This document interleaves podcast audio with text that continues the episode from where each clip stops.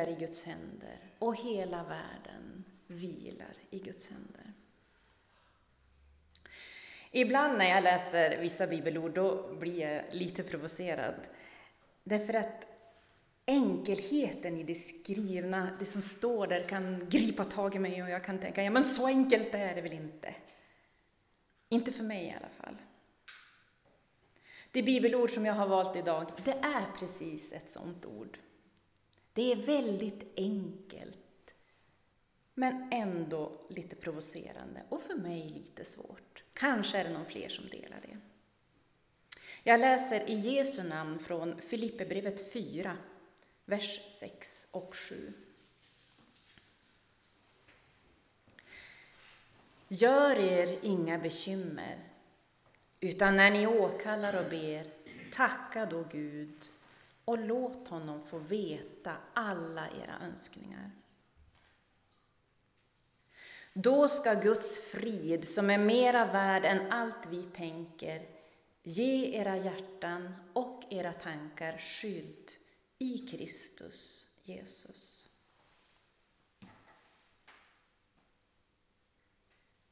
Gör er inga bekymmer, så börjar texten.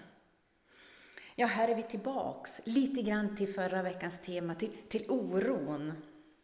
Vad har du för bekymmer? Vilka problem brottas du med? Vad oroar du dig för? Gör er inga bekymmer skulle kun, kanske kunna handla om att inte oroa sig därför att det du har idag räcker. Du behöver inte göra något mer bekymmer och släpa på. Jag har läst en bok av Max Lucado som heter Lämna dina bördor. Och så här skriver han om orons börda. Orons börda innehåller Tänk om! Tänk, tänk om huset brinner ner! Eller frågan som många barn ställer sig. Vem ska jag bo hos om, om ni skiljer er? Det kan man oroa sig för. Eller, tänk om min man dör? Eller, tänk om jag förlorar arbetet?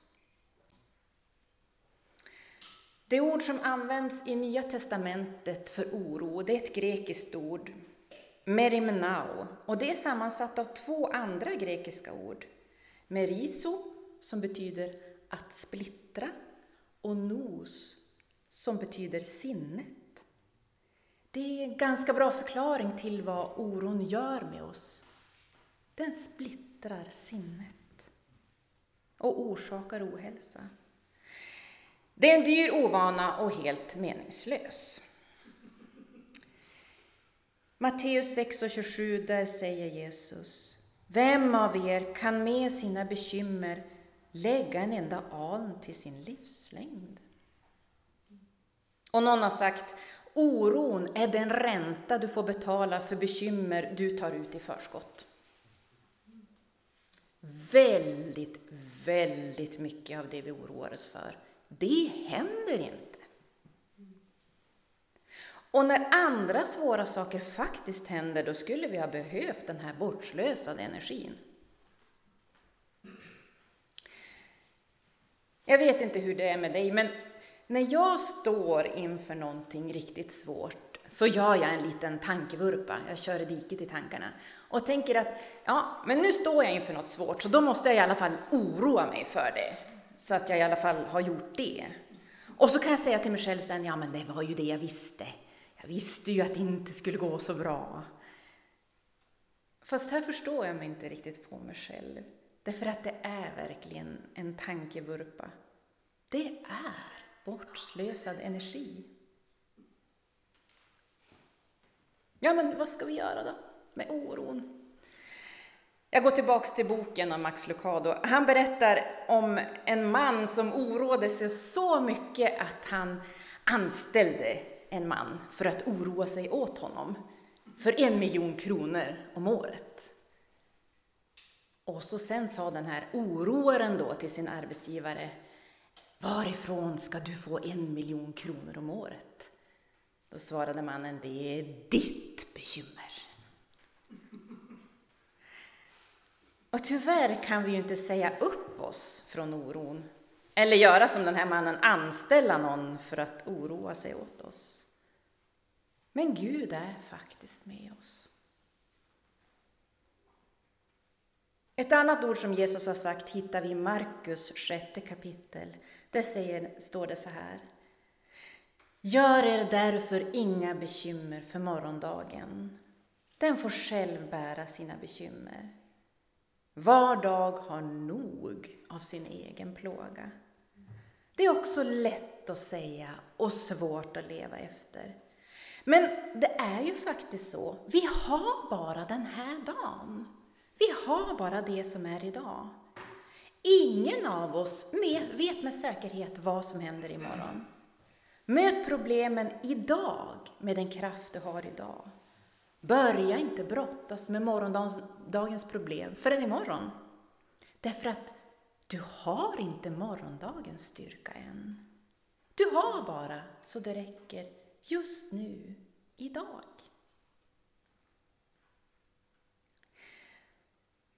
Paulus råd idag handlar om bön och det börjar med rådet Tacka Gud.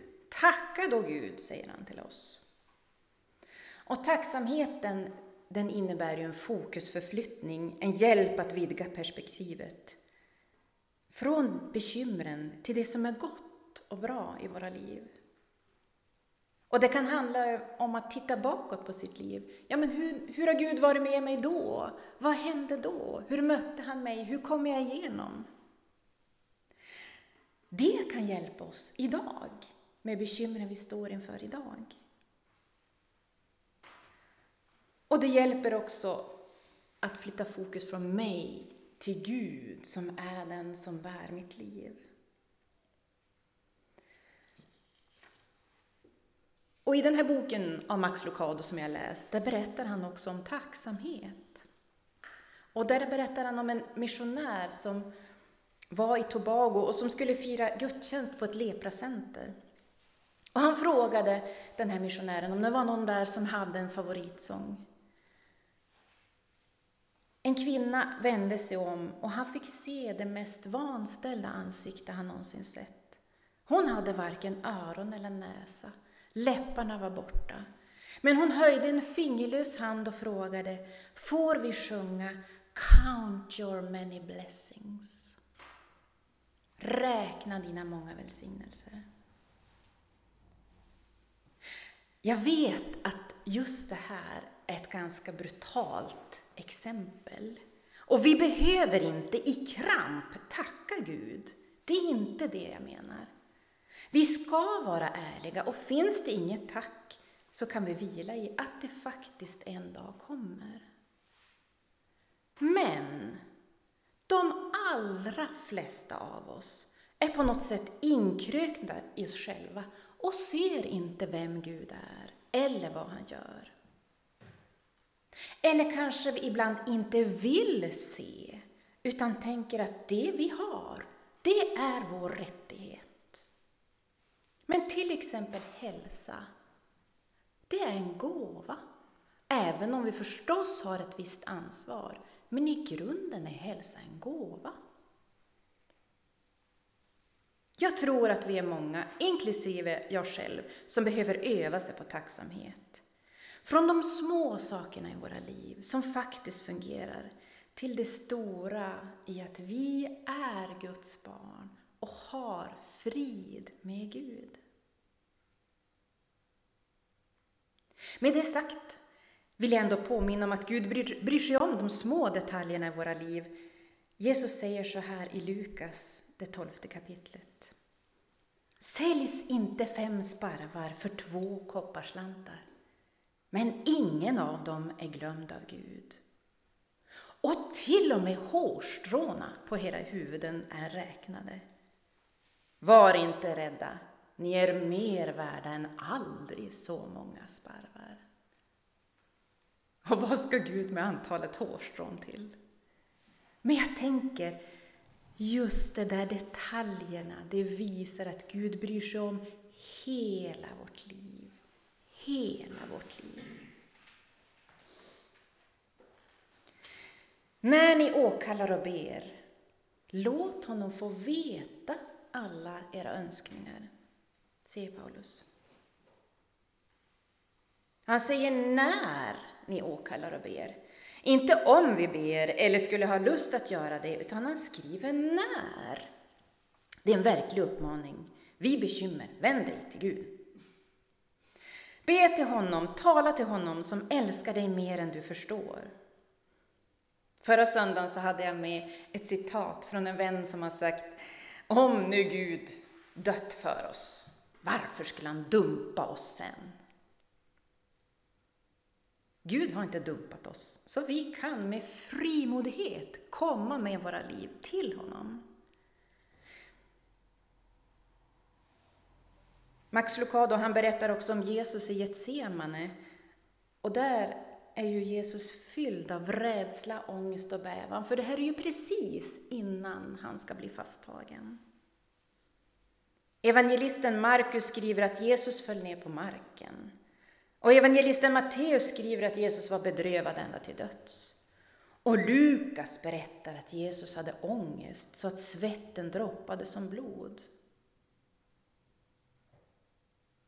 Hur skulle det se ut om du stod ett, bakom ett av de här olivträden i Getsemane och kikade fram? Det är förstås mörkt. Det är natt. Låg Jesus ner på marken och slog med sina händer skakade han av gråt. Och bönen till Gud, Abba, Fader, Pappa, ta denna bägare ifrån mig. Kanske förmådde han knappt säga det. Eller kanske skrek han ut det. Hur orolig du än är, hur hopplöst det än känns, och även om rädslan har i sitt grepp, så kom ihåg Jesus i Getsemane. Han har varit där, Jesus, på riktigt. Och uppmaningen är inte bara att tänka på Jesus, utan att göra som honom. Han var ärlig inför Gud, inför sin pappa. Säg som det är. Dunka i marken om du behöver det. Gråt om du behöver det. Öppna ditt hjärta för Gud. Var konkret. Berätta hur det är utan krusiduller. Därför att Gud har gott om tid och gott om medkänsla. Och Gud möter dig just där du är. Gud stillar inte alla våra stormar, men på något sätt så för han oss igenom. Tala med den som håller hela världen i sin hand. Hoppet finns hos honom. Ibland hjälper det konkreta och fysiska att gå in i en kyrka och kanske lägga en sten framme vid korset eller tända ett ljus. Eller så behöver du tala med någon. Vi är sända att hjälpa varandra, att bära varandras bördor.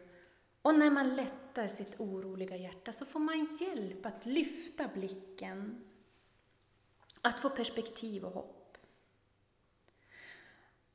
Och vad du än säger till Gud, den ärlighet som du har inför Gud, kan aldrig någonsin göra att Gud skulle vända sig bort från dig.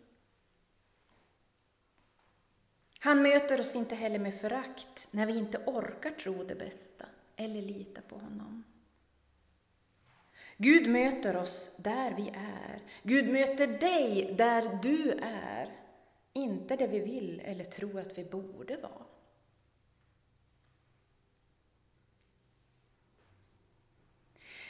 Då skall Guds frid, som är mera värd än allt vi tänker, ge era hjärtan och era tankar skydd i Kristus Jesus.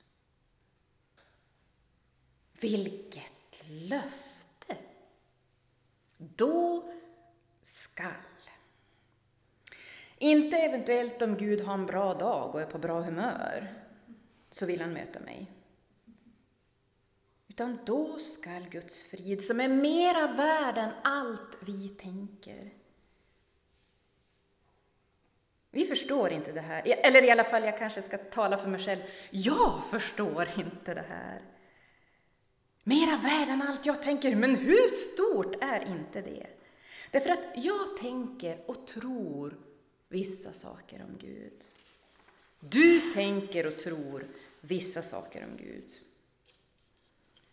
Teologer och andra kloka människor och kristna genom alla tider har tänkt och trott saker om Gud. Friden är mycket mer värd än det. Den är så dyrbar att vi inte ens kan tänka oss det. Därför att våra bildelser, bilder och liknelser blir på något sätt platta. Våra hjärnor är väl för små, tänker jag, och räcker inte till. Det grekiska ordet för frid i Nya testamentet är airene, med reservation för uttalet. Och det betyder frid, fred, harmoni och ordning. Och i Gamla testamentet så är det det hebreiska ordet shalom, som handlar om att vara hel, oskadd och sund. Friden har med Gud att göra. Och den bygger på ett faktiskt fridsförhållande med Gud kopplat till Jesus och det som hände på korset. Därför att det är Jesus som har öppnat vägen till frid, till verklig frid. Att ha frid med Gud handlar om att det är rätt ställt mellan mig och Gud. Relationen mellan Gud och människa blir återställd hel genom det Jesus gjorde på korset. Så att ha frid med Gud handlar om att jag har tagit emot det Jesus Kristus gjort för mig. Och den friden kan man på något sätt ställa sig under och ta skydd under. Och det här löftet om frid sitter ihop med att låta Gud ta hand om bekymren och oron. Lägga det hos Gud och låta det ligga där utan att plocka upp det igen. I Jesus Kristus får våra hjärtan och tankar skydd därför att han själv har köpt frid åt oss. I Johannes 14 och 27 så står det Frid lämnar jag kvar åt er, min frid ger jag er. Jag ger er inte det som världen ger. Känn ingen oro och tappa inte modet.